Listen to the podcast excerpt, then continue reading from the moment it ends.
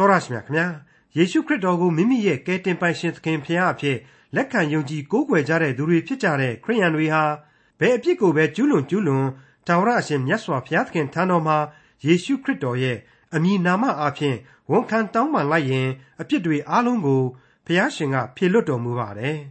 ခရိယန်တွေဟာအပြစ်တွေလှုပ်ချင်တိုင်းလှုပ်ပေမဲ့ခွင့်လွတ်ခြင်းခံရတာကြောင့်အပြစ်လှုပ်လိုက်တောင်းပန်လိုက်နဲ့စခန်းသွားနေကြတဲ့သူတွေ ဒီလူလောကမှာအသက်ရှင်နေကြတဲ့သူတွေဖြစ်သင့်ပါသလားအပြစ်တွေကိုလှုပ်ချင်တိုင်းလှုပ်ကျူးလွန်ချင်တိုင်းကျူးလွန်ပြီးမှဘုရားရှင်ထံမှာဝန်ချတောင်းပန်လိုက်တာနဲ့ပြီးရောလား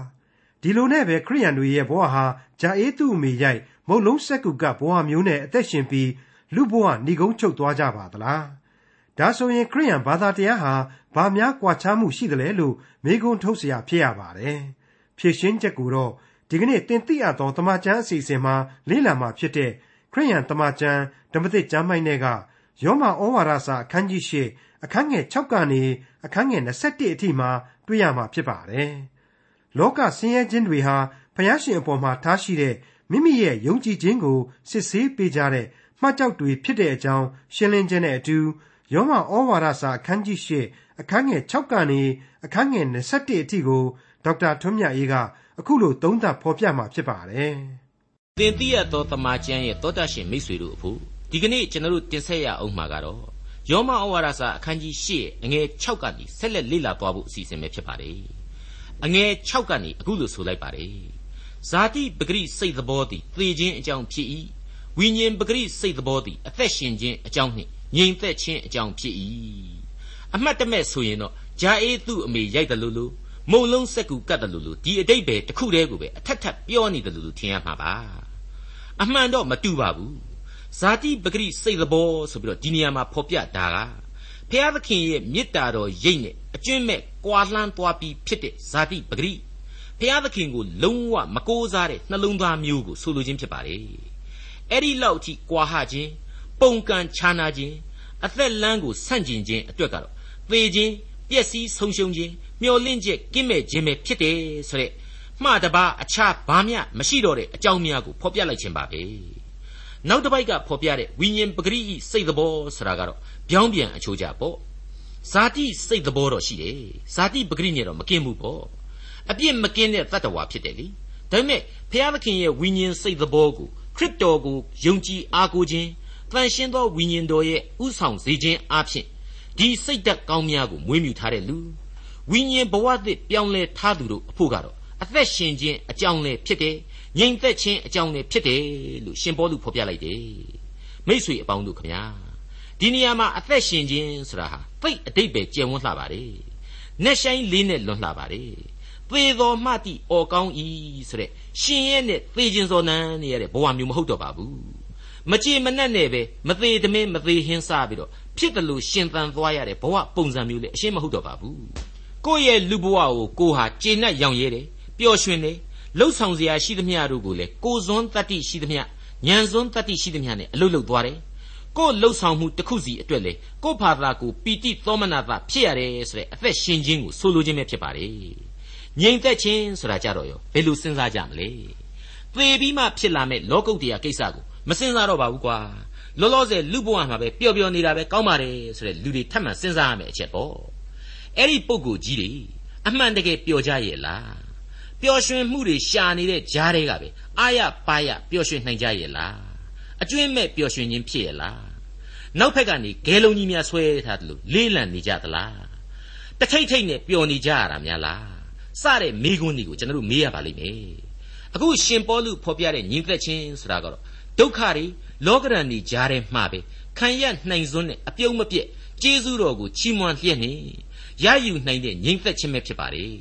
လေကသိန်းရိုးပေါ်မှာလမ်းလျှောက်သွားပြီးတော့နဖူးကချွေခြေမကြတဲ့အထိဆင်းရဲတဲ့ဘဝဖြစ်ကောင်းဖြစ်မယ်ရွှေပုံကြီးပေါ်မှာခံစားနေရတဲ့ဘဝလည်းဖြစ်ချင်းဖြစ်မယ်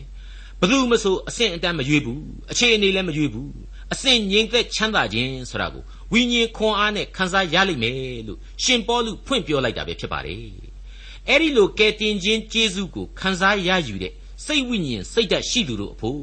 ဝိညာဉ်ရေးစိတ်ဓာတ်အခြေခံကောင်းသူတို့အဖို့အခုကျွန်တော်ရွတ်ဆိုပြလို့တဲ့ယုံကြည်ခြင်းကြောင့်ဆိုတဲ့လင်္ကာဟာကွက်တိကြနေလိမ့်မယ်လို့ကျွန်တော်ယူဆပါတယ်နားဆင်ကြည့်ကြပါဦးအိုသခင်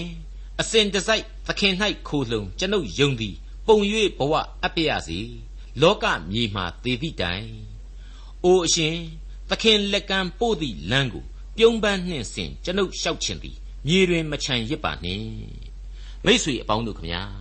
ဇာတိပဂရိအပြစ်လူသားတို့အဖို့ခရစ်တော်အားဖြင့်သာဝိညာဉ်အသက်တာကိုပြောင်းလဲခံစားရယူနိုင်တာကိုရှင်ယောဟန်ဩဝါဒစာပထမစာဆောင်အခန်းကြီး1အငယ်9ဟာအခုလိုဆိုဖွဲ့ထားပါတယ်ဖျားသခင်သည်အလင်းရှိတော်မူသကဲ့သို့ငါတို့သည်အလင်း၌ကျင်လည်လျင်အချင်းချင်းမိသဟာယဖွဲ့ခြင်းရှိကြသည်ဖြစ်၍ ဖျားသခင်၏သားတော်ယေရှုခရစ်အသွေးတော်သည်ငါတို့အပြစ်ရှိသမျှကိုဆေးကြောတော်မူ၏တဲ့အဲ့ဒီတော့ဒီသေခြင်းလမ်းကနေရှင်သန်ခြင်းလမ်းဆိုတာဟာပြောင်းလို့ရတဲ့အရာပါပဲဘယ်နည်းနဲ့ပြောင်းမလဲဆိုတော့ခရစ်တော်အပြင်ပေါ့ရှင်းပါတယ်နော်ဒီနေရာမှာအခုဖော်ပြခဲ့တဲ့ဇာတိပဂရိသမားတက်သက်ရေဝိညာဉ်ပဂရိသမားအဖြစ်ကူးပြောင်းသူရေဟာဘယ်လို့မှမတူတော့တာကိုကျွန်တော်ကဥပမာပေးခြင်းပါလေလူဟာအပြစ်သားတော့အပြစ်သားမှန်တယ် ဒါပေမဲ့အဲ့ဒီလူနှမျိုးကိုရှင်းကြည့်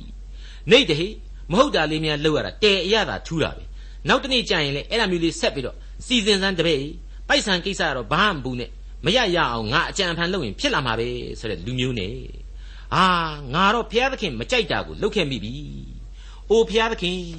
ကျွန်တော်မျိုးရဲ့အပြစ်ကိုကိုရရှင်လွတ်တော်မူပါ။ကျွန်တော်ကိုယ်စိတ်ကိုကိုဘယ်လို့မှမထိန်နိုင်မနဲ့အေယာမအပြစ်ကိုကျူးလွန်မိခဲ့ပြီးပါပြီ။ ကျွန်တော်မှအဲ့ဒီအပြစ်ကိုကိုခွန်ကိုအားနဲ့ဆက်ပြီးတော့ရှောင်လွှဲဖို့ကလည်းလွယ်မယ်မဟုတ်လို့ဝိညာဉ်ခွန်အားကိုပေးပါ။အဲ့ဒီမကောင်းသောအမှုအရာမှကယ်နှုတ်တော်မူပါ။သနာချင်းဂရုဏာတော်နဲ့ကျွန်တော်ကိုပတ်ရတော်မူပါဆိုတဲ့အဲ့ဒီလူနှမျိုးရဲ့ပုံစံကိုပဲရှင်းကြည့်ရင်ရှင်းရှင်းကြီးပေါ်နေမယ်ထင်ပါတယ်ကျွန်တော်ကအဲ့ဒီလိုဥပမာနဲ့ပြောတော့မဟုတ်တာလေးကိုလှုပ်လိုက်နောက်တနေ့ကျပြန်ပြီးတော့တောင်းပန်အသနာခံလိုက်နေပဲတန်တရားလဲရမှာလားဆိုရင်တော့မဟုတ်ပြန်ပါဘူးဒီတောင်းပန်အသနာခံခြင်းမှာထိုက်တန်တဲ့ယုံကြည်ခြင်းအကျင့်တရားလဲပါမှာပေါ့ ရွတ်လို့ဆိုလို့ကောင်းတိုင်းအလွတ်ကျက်ပြီးတော့ညအိယာအဝင်တိုင်းမှာဘရူဘရူဘရူဘရူနဲ့ရွတ်သွားတာမျိုးကိုမဆိုလို့ဘူးအမှန်တကယ်ယင်တဲ့ကနောင်တပါရမယ်ခရစ်တော်စီကဝိညာဉ်ခွန်အားကိုစိတ်နှလုံးနဲ့နောင်တစိတ်သဘောနဲ့ကြိုးပဲ့ကြေမွတဲ့ရင်တွင်းခံစားချက်များနဲ့ရယူသွားကြရမှာဖြစ်ပါတယ်ဒေါက်တာနီဝဲလ်ဆိုတဲ့ပုဂ္ဂိုလ်ကြီးကပိုပြီးကောင်းမွန်တဲ့အလုပ်ကိုလုပ်နိုင်ဖို့ဆိုတာဟာခရစ်တော်စီမှာသာတောင်းဆိုနိုင်တဲ့အရာဆိုပြီးတော့ဖော်ပြထားပါတယ်မှန်ပါတယ် ကိုယ့်ဘာသာကိုစူးစားတယ်ဆိုကြတဲ့ကကိုယ့်ဇာတိပဂရိအင်အားကိုယုံကြည်သွားပြီဆိုတဲ့သဘောဟာပေါ်လင်းနေပြီမဟုတ်ဘူးလားကျွန်တော်ပြောခဲ့တဲ့အတိုင်းပဲဖျားသခင်ကိုများကိုကပြန်လဲပေးဆက်တလေဘာလေးပြောပြီးတော့လူတွေဟာအတော်ကိုကိုကိုအထင်ကြီးတတ်ကြပါတယ်အမှန်အတိုင်းမထောက်မညာဆိုရရင်တော့လူသားမှာဖျားသခင်ကိုပေးနိုင်တာဆိုလို့ဘာရှိလို့တုံးမကောင်းတဲ့အပြစ်ကိုပဲပေးစရာရှိတယ်ဆိုတဲ့အချက်ပေါ်လွင်နေတယ်ကျွန်တော်ကတော့အဲ့ဒီတိုင်းပဲခံယူပါတယ်ကျွန်တော်လူတတ္တဝါဟာသူ့ကျေးဇူးတော်ကြောင့်သာ ကဲတင်ခြင်းရနိုင်ခြင်းဖြစ်ပါတယ်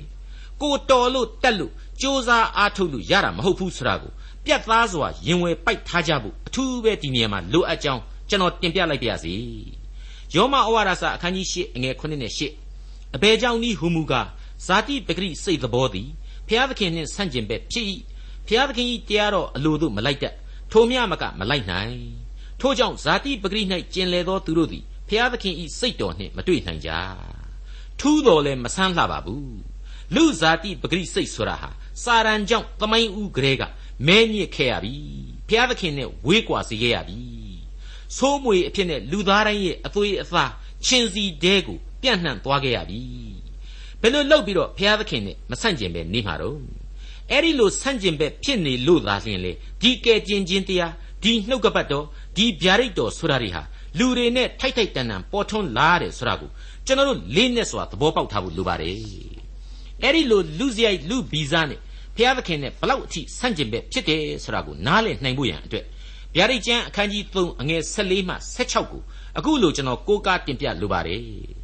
လောဒီကိမြို့၌ရှိသောအသင်းတော်ဤတမန်ကိုဤသို့ရေး၍မှားလိုက်လော့သင်၏အကျင့်ကိုငါသိ၏သင်သည်အေးမဟုတ်အပူမဟုတ်သည်ကိုငါသိ၏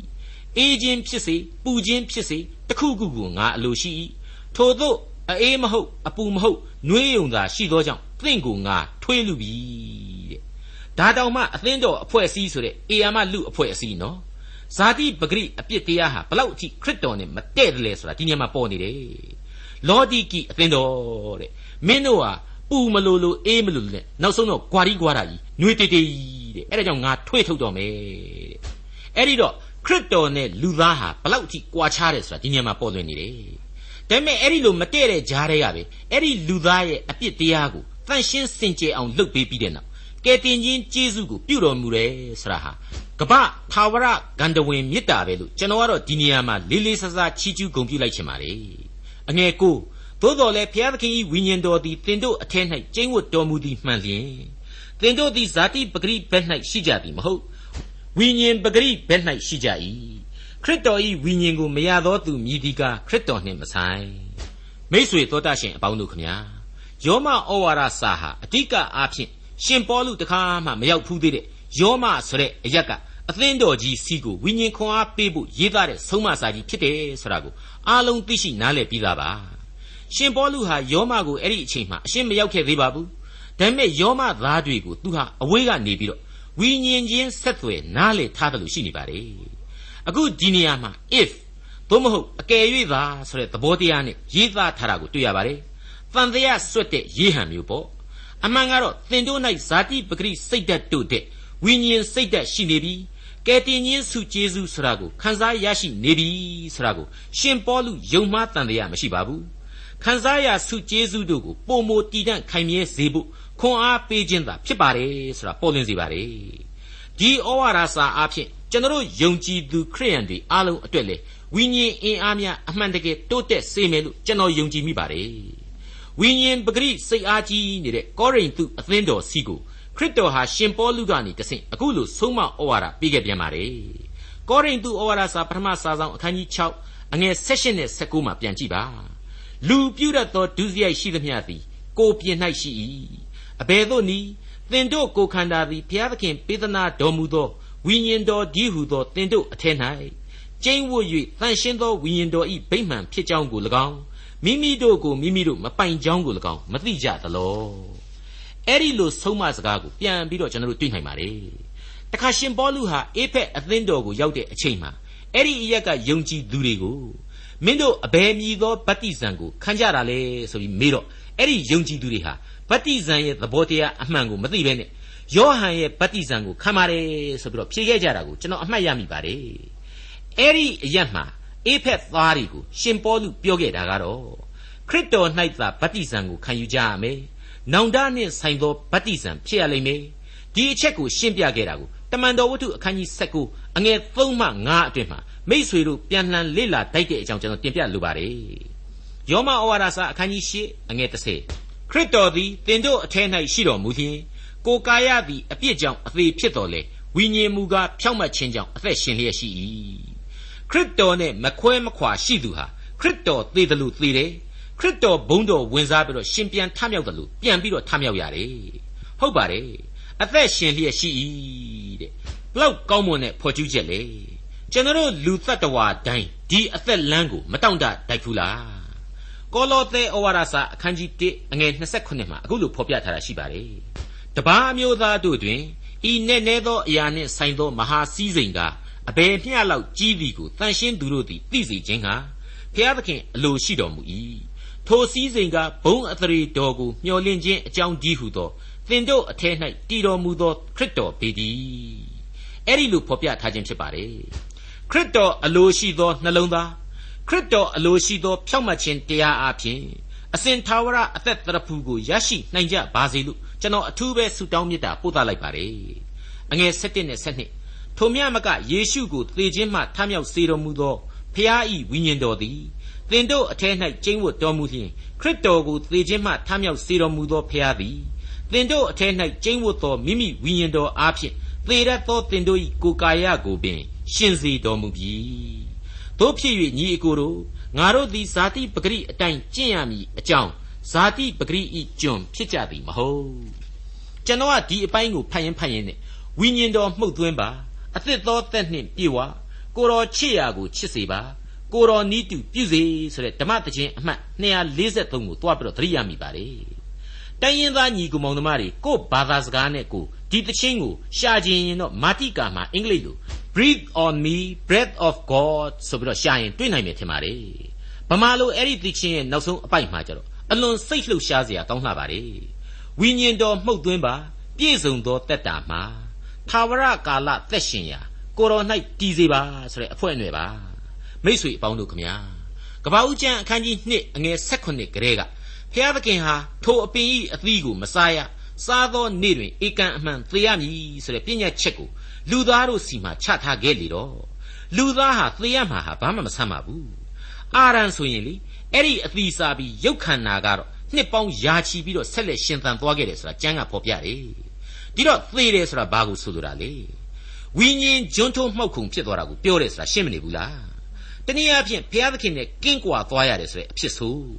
အဲ့ဒါကမှစိတ်စိတ်တွေးလေအသေးရစရာကြောချမ်းစရာကောင်းလေဆိုတဲ့အနန္တကာလအသက်ဆုံးရှုံးမှုကြီးပဲအခုရှင်ပေါလုကအားပေးလိုက်ပါပြီ တန်ရှင်းသောဝိညာဉ်တော်အားဖြင့်လောကသေခြင်းကိုရင်ဆိုင်လိုက်ကြပါလောကုတ္တရာအသက်လမ်းမှာပြန်လဲရှင်ကိုရှင်သန်နိုင်ကြမယ်လေဘလောက်ကောင်းတယ်လေအငယ်73သင်တို့သည်ဇာတိပဂရိအတိုင်းအသက်ရှင်လျင်သေရကြမည်ဝိညာဉ်တော်အားဖြင့်ကိုယ်ကာယ၏အကျင့်တို့ကိုသေစေလျင်အသက်ရှင်ကြလိမ့်မည်ဒီတော့ကျမ်းစာဖတ်ယုံနဲ့ပြီးတယ်လားမပြီးပါဘူးဗတ္တိဇံခံယုံနဲ့ကိုရတယ်လားမရနိုင်သေးဘူး ဝိညာဉ်တော်အဖြစ်ကိုယ်ဇာတိအပြစ်တို့ကိုနိုင်အောင်လုပ်ရကြလိမ့်မယ်ဒီနေရာမှာကိုယ်ကာယအကျင့်တို့ကိုသေစေတယ်ဆိုလို့မျိုးဖြုတ်လို့ရကောင်းတယ်များတော့မထင်လေနဲ့နော်ချိုးနှိမ်တာကိုပြောတာသူ့တဲ့ခွန်အားသာလွန်ကောင်းမှုနဲ့ဘုရားသခင်ဝိညာဉ်ခွန်အားနဲ့စောင့်စည်းထိမ့်ချုပ်နိုင်ခြင်းကိုပြောတာပါပဲအသက်ရှင်ခြင်းတရားကိုပေါ်လွင်စေဖို့အတွက်အပြစ်တရားကိုအသေးသက်ခြင်းဆိုတဲ့ဝေါ်ဟာရကိုသုံးဆွဲလိုက်ခြင်းပဲဖြစ်ပါတယ်မိษွေအပေါင်းတို့ခမညာ အခုကျွန်တော်တို့ဟာအသစ်သောလူဆိုတာရဲ့အကြောင်းကိုအသေးစိတ်ဆက်လက်လေ့လာနိုင်ဖို့ရန်အတွက်ယောမဩဝါဒစာအခန်းကြီး၈အငယ်14နဲ့15ကိုဆက်လက်လေ့လာကြပါအောင်စို့ဖျားသခင်ဤဝိညာဉ်တော်ဆုံးမပဲ့ပြင်သမျှသောသူတို့သည်ဖျားသခင်ဤသားဖြစ်ကြ၏အကြောင်းမူကားသင်တို့သည်တဖန်ကြောက်ရွံ့တတ်သောကျွန်ဤသဘောကိုရကြသည်မဟုတ်အဘအဖဟုခေါ်ဝေါ်ရသောအခွင့်နှင့်သားဖြစ်ခြင်းဤသဘောကိုရကြပြီ ကျေးဇူးတော်ဟာဘလောက်ကြီးမြတ်တော်မူတယ်ဆိုတာအထူးပြောနေစရာမလိုတော့ပါဘူးဝိညာဉ်ရေးအားဖြင့်အဘအဖာလို့ခေါ်ဆိုခွင့်နဲ့သူ့ရဲ့သားသမီးများအဖြစ်ခရစ်တော်အားဖြင့်ခံယူနိုင်တဲ့အသက်တာများဖြစ်ရတဲ့အတွေ့ဘလောက်အထိကျွန်တော်တို့လူဘဝဟာနေပြော်တယ်လေသေပြော်တယ်လေဘုရားသခင်ရဲ့ဂုဏ်တော်ဟာဘလောက်ကြီးမားတော်မူတယ်ဆိုတာဟာရှင်းနေပါလေဟုတ်ပါတယ်ပြီးခဲ့တဲ့သင်ခန်းစာဒီတွင်မှာ လောကီလောကုတ်တရားနှစ်ဖြာသောကောင်းကြီးတွေကိုခန်းစားရတယ်ဆိုတာကိုကျွန်တော်ဖော်ပြခဲ့ပြီးသားပါအဲ့ဒီလောကီအကျိုးကျေးဇူးတွေထဲမှာအခုတစ်ခုထပ်ပြီးဖြည့်ဆွက်ကြပါစို့ဒီကဘာမြေကြီးပေါ်မှာဘုရားသခင်ရဲ့သားသမီးများအဖြစ်ယက်တီနိုင်ဖို့အထိလူအခွင့်အရေးကြီးဟာရှိနေပါပြီဘယ်နိုင်ငံရေးခေါင်းဆောင်နဲ့ဘယ်ကုလသမဂ္ဂအဖွဲ့အစည်းကမှလုတ်ပေးလို့မရနိုင်တဲ့ကမ္ဘာငြိမ်းချမ်းရေးကမ္ဘာမေတ္တာတရားကမ္ဘာသစ္စာတရားတို့ကို ခရစ်တော်ထံမှအမှန်ရရှိနိုင်တယ်ဆိုတာရှင်းနေပါပြီသူဟာအမှန်တကယ်ဒီအသစ်သောခွန်အားတွေကိုပေးစွန့်နိုင်ပါတယ်မရဘူးဆိုလို့ရှိရင်လူသားလျင်အဓိကလူသားလျင်ဗราဏလူသားကမယူနိုင်လို့သာမရခြင်းလို့ပြောကြရပါလိမ့်မယ်အငယ်16နဲ့18ငါတို့သည်ဖျားသခင်ဤသားဖြစ်ကြသည်ဟုဝိညာဉ်တော်သည်ငါတို့ဤဝိညာဉ်တော်နှင့်တက်တည်ခံတော်မူ၏သားမှန်လျင်အမွေခံဖျားသခင်ဤအမွေခံဖြစ်ကြ၏ခရစ်တော်နှင့်အတူဘုံဝင်စားမည်အကြောင်း ထိုသခင်နှင့်အတူဆင်းရဲဒုက္ခကိုခံရလျင်ထိုသခင်နှင့်ဆက်ဆံသောအမွေခံလည်းဖြစ်ကြ၏ဘုံဝင်စားခွင့်ရတယ်တဲ့မထူးဆန်းဘူးလားခေါင်းတစ်လုံးထဲမှာအသက်မဲ့နေတဲ့ခန္ဓာကိုယ်ကြီးကိုမြေမှာချပြီးတော့ဂူနဲ့ပိတ်လို့ဆိုလို့ရတယ်မိရှို့ပြလို့လည်းဖြစ်ချင်ဖြစ်နိုင်တယ်ဘုံဝင်စားတယ်ဆိုတာကိုတော့ကာယကံရှင်ယုံကြည်သူရဲ့ဝိညာဉ်ဟာမလွဲမသွေခံစားရမှာဖြစ်ပါတယ်ချစ်သူတို့လွန်သွားခြင်းမှာမျက်ရည်ကျကြရတဲ့မိတ်ဆွေအပေါင်းတို့ခမညာ အစဉ်သဖြင့်သခင်နှင့်အသက်ရှင်သောကိုချစ်သူအတွက်များတော့မျက်ရည်များကြားတဲ့ကပဲကျေးဇူးတော်ကိုချီးမွမ်းလိုက်ကြပါသူဟာသူ့ဝိညာဉ်ကိုပေးတဲ့အဖေ့စီကိုဥစွာထွက်ခွာသွားခြင်းသာဖြစ်တယ်ကိုဟာလည်းသူ့လိုပဲအမွေကိုခံယူဖို့သူနဲ့အတူဆုံတွေ့ဖို့အတွက်မျှော်လင့်လျက်အာယူကြပါတော့လို့တိုက်တွန်းအားပေးလိုက်ပါရစေအခုလိုအမွေခံရတဲ့ဘဝသစ်မှာပန်းခင်းသောလမ်းကြီးပဲလို့လေတစ်ဖက်ကကျွန်တော်တို့မဆိုးနိုင်ပါဘူး ဒါနဲ့ပတ်သက်ပြီးတော့ဟေဘရဲဩဝါဒစာအခန်းကြီး7အငယ်4မှ6အတွင်းကိုကျွန်တော်တို့အခုပြန်လည်လေ့လာနိုင်ပါတယ်သင်တို့သည်ဒုစရိုက်အပြစ်ကိုဆိုင်ပြိုင်တိုက်လှန်၍ကိုယ်အသွေးထွက်သည့်တိုင်အောင်မခံရကြသည်ထိုမှတပါငါသာထာဝရဘုရားဆုံးမတော်မူခြင်းကိုမမှတ်ဖဲမနေနှင့်သင်၏အပြစ်ကိုစစ်ဆေးတော်မူသောအခါစိတ်မပြည့်စေနှင့်ထာဝရဘုရားသည်ချစ်တော်မူသောသားကိုဆုံးမတော်မူတတ်၏လက်ခံတော်မူသမျှသောသားတို့ကိုဒဏ်ခတ်တော်မူတတ်၏ဟု သူငယ်တို့ကိုဆိုတကဲ့သို့သင်တို့ကိုပြောဆိုသောဩဝါဒစကားကိုမေ့လျော့ကြသလောမိษွေအပေါင်းတို့ခမညာအဘအဖာလို့ခေါ်တဲ့ခေါ်ဝေါ်ခြင်းနဲ့အတူသူပေးတဲ့ဘဝလမ်းကြောင်းမှာသူနဲ့အတူမြဲမြဲဆွဲဆွဲရှိဖို့အလွန်အရေးကြီးနေပြီဖြစ်ပါတယ်သူ့ကိုအားကိုးခိုလှုံယုံကြည်လိုက်တဲ့အခါကျတော့လောကရဲ့အခက်အခဲတွေဒုက္ခဆင်းရဲခြင်းတွေဆိုတာဟာလေကိုယ့်ရဲ့ဇာတိပဂရိအပြစ်အလျောက်ကိုယ့်အကိုခံယူရတာပဲ ဒီလောကဆင်းရဲခြင်းဆိုတဲ့အရာတွေဟာအမှန်တော့အဖဖျားသခင်အပေါ်မှာကိုယ့်ရဲ့ယုံကြည်ခြင်းနဲ့ခိုလှုံခြင်းအစွန်းတတ္တိကိုစစ်ဆေးပေးတဲ့မှတ်ကြောက်တွေပဲဆိုတဲ့အတွေးအသစ်နဲ့ဘဝအမြင်အတွေးတွေပြောင်းလဲလာရစမြဲပဲဖြစ်ပါတယ်တနည်းအားဖြင့်တော့လောကရန်လှိုင်းတဘိုးတို့ဘလောက်ပဲပုတ်ပုတ်ကဲတင်ရှင်နဲ့အတူလက်တွဲထားသူတို့ဟာခံနိုင်ရည်ရှိတယ်ဆိုတဲ့သဘောပေါ့ထိုသခင်နှင့်အတူဆင်းရဲဒုက္ခကိုခံရလျင်ဆိုတဲ့ယောမဩဝါဒစာဝကြဟာကျွန်တော်ယင်ထဲမှာ ရမ်းခါပြီးသွားလောက်အောင်လှုပ်ပေးလိုက်တယ်လို့ပဲကျွန်တော်ခန်းစားရပါတယ်ကဲတင်ရှင်ရဲ့တက်တော်စဉ်မှာပြန်ကြည့်ရင်သူအလွန်ချစ်ခင်တဲ့မိတ်ဆွေအတိုင်းအဝိုင်းကလာဇရုဆိုတဲ့ပုဂ္ဂိုလ်သေတဲ့အချိန်မှာမျက်ရည်ကျတာကိုတွေ့ရတယ်။ဂန္ဓာယခရီးကြီးအလယ်မှာရေငတ်ပြီးတော့ရေတောင်းတောက်တာလည်းကျွန်တော်တို့တွေ့ရတယ်။ပင်လယ်ပြင်ပေါ်ကလှေကြီးပေါ်မှာအမောရကောနဲ့အိပ်ပျော်နေခဲ့တယ်ဆိုတဲ့အချက်တွေကိုလေကျွန်တော်တို့ခရစ်ဝင်ကျမ်းနေမှာနဖူးတွေဒူတွေတွေ့ခဲ့ရပြီးပါပြီ။လောကရန်လူသားတယောက်အနေနဲ့ ဇာတိရုပ်ဝါကိုဆောင်ယူထားသူသခင်ဟာဇာတိပဂရိပုံစံမျိုးကိုအဲ့ဒီအတိုင်းပဲကြိမ်ဖန်များစွာမှာတက်တည်ပြခဲ့ပါတယ်ဒီအကြောင်းတွေနဲ့ပတ်သက်ပြီးတော့ကျွန်တော်တို့ရှင်းလင်းဖွင့်ဆိုအတိတ်ပဲများလဲဖော်ပြခဲ့ပြီးဖြစ်ပါတယ်ကျွန်တော်တို့အတက်နိုင်ဆုံးရှင်းပြခဲ့ပြီးပါပြီဒါတွေဟာကောင်းကင်ဘုံရှင်ဟာလူသားတို့နဲ့ဘလောက်အထိထိဆက်နိကတ်တယ်ဆိုတဲ့မေတ္တာတရားကိုရောင်ပြန်ဟပ်ပေးလိုက်ခြင်းပဲဖြစ်တယ်လို့ကျွန်တော်ကတော့လေးနဲ့စွာတင်ပြခြင်းပါတယ်ဒီတော့ အပြည့်ဇာတိပဂရိတာဖြစ်တဲ့ကျွန်တော်တို့လူသားများဟာကယ်တင်ရှင်နဲ့အတူလက်တွဲမဖြုတ်လို့ဆိုပြီးတော့မအိုရမနာရမသေးရအမြဲရွှေဘုံပေါ်မှာစံနေရပြီးတော့စူးမရှိတဲ့နှင်းမန်းကလေးတွေအပေါ်မှာဖက်နှက်မလိုပဲရှောက်သွားရမယ်။လေကလေးတစ်ချွင်ချွင်နဲ့အမြဲတမ်းအစဉ်ပြေပြီးတော့မြန်နေလိမ့်မယ်လို့မြန်ရောင်လို့တော့မတွက်ဆကြပါနဲ့။သူပေးတဲ့ဝိညာဉ်ခွန်အားအပြင်အဲ့ဒီလောကရန်အခက်အခဲတို့ကိုအောင်မြင်စေကြပါ။လူတို့ကြံစည်၍မမိနိုင်သောဝိညာဉ်ခွန်အားကိုရယူကြပါ။ သူ့မေတ္တာတော်အရေးအောက်မှာလုံခြုံစိတ်ချစွာမှိမှိခိုနာကြပါ။သူ့အတွက်အကောင်းဆုံးအသက်ရှင်နေထိုင်ကြပါလို့ကျွန်တော်တင်ပြခြင်းပါတယ်။အသစ်သောဖန်ဆင်းခြင်းဆိုတဲ့ခေါင်းစဉ်ကိုပေးပြီးတော့အခုဆက်လက်လေ့လာခြင်းပါတယ်ယောမဩဝါဒစာအခန်းကြီး၈အငယ်၁၈မှ21ငါတို့အားပေါ်ထွန်းလက်တန့်သောဘုံကိုထောက်တော်ယခုမျက်မှောက်ကာလ၌ခံရသောဆင်းရဲဒုက္ခကိုပမာဏမပြုတ်တိုက်ဟုငါသဘောရှိ၏ဤလောကသည်ဖျားသခင်သားတို့ဤ ပေါ်ထွန်းခြင်းအရာကိုအလွန်တောင့်တမျှော်လင့်လျက်နေ၏ဤလောကသည်အနိစ္စနိုင်ငံသို့အလိုလိုလိုက်သည်မဟုတ်ဖျားသခင်ဤသားတို့ဤထူးမြတ်သောလွတ်ချင်းချမ်းသာဒီဟုသောဖောက်ပြန်ပျက်စီးခြင်းအနှောင်အဖွဲ့မှကယ်လွတ်ခြင်းချမ်းသာကိုဝင်စားမည်ဟုမျှော်လင့်ရသောအခွင့်ကိုပေး၍အနိစ္စနိုင်ငံသို့လိုက်စေတော်မူသောသူ၏အလိုတော်ကြောင့်သာလိုက်ရ၏ရှင်းနေပါတယ်နော်အနိစ္စတရားဆိုတာဟာဘာလဲ တကယ်တကယ်တော့ဘုရားသခင်အဖို့အနိစ္စတရားဆိုတာဟာနေဆဒူဝတည်ရှိသောအသက်ရှင်ခြင်းတရားရှိခြင်းကိုတက်တည်ထင်ရှားစွာ ပြသရန်အတွက်ရှိနေရသောအနိစ္စတရားသာဖြစ်ပါလေအဲ့ဒီအနိစ္စသို့မဟုတ်အမြဲမတည်ရှိသောလူဘဝဟာအလွန်ကြွယ်ဝပြည့်စုံတဲ့လောကဘုံမှာတည်နေရတဲ့ဘဝဖြစ်လို့ကျေးဇူးတော်တို့ဟာဝိုင်းလည်နေပါလေအဲ့ဒီကျေးဇူးတော်ဒီတဲမှာတော့ဖောက်ပြန်ပျက်စီးယိုယွင်းခြင်းအနှောင်အဖွဲ့မှာ ကယ်လွတ်ခြင်းချမ်းသာကိုဝင်စားဖို့ရန်မျှော်လင့်ရသောအခွင့်ပဲဖြစ်ပါတယ်မျှော်လင့်ရသောအခွင့်တဲ့ကျွန်တော်အလွန်နှစ်ချိုက်လှပါတယ်ဟုတ်ပါတယ်လက်ဆုပ်လက်ကင်ရယူဖို့အတွက်ယုံကြည်ခြင်းအကျင့်နဲ့နောင်တနှလုံးသားကိုအမှန်မမွေးမြူနိုင်တဲ့၍ကာလအချိန်မှာတော့မျော်လင့်ရသောအခွင့်ကနေတက်လှမ်းနိုင်အောင်မှာမဟုတ်တဲ့အကြောင်းလေးစားစွာတင်ပြလိုက်ပါရစေ။ဒေါက်တာထွန်းမြတ်ရေးစီစဉ်တင်ဆက်တဲ့တင်ပြတော်တမချန်းအစီအစဉ်ဖြစ်ပါတယ်။နောက်တစ်ချိန်အစီအစဉ်မှာ ခရိယန်တမချန်းဓမ္မသစ်ကျမ်းပိုင်းမှာပါရှိတဲ့ယောမဩဝါဒစာအခန်းကြီး၈အခန်းငယ်22ကနေအခန်းငယ်28အထိကိုလေ့လာမှာဖြစ်တဲ့အတွက်စောင့်မျှော်နားဆင်နိုင်ပါတယ်။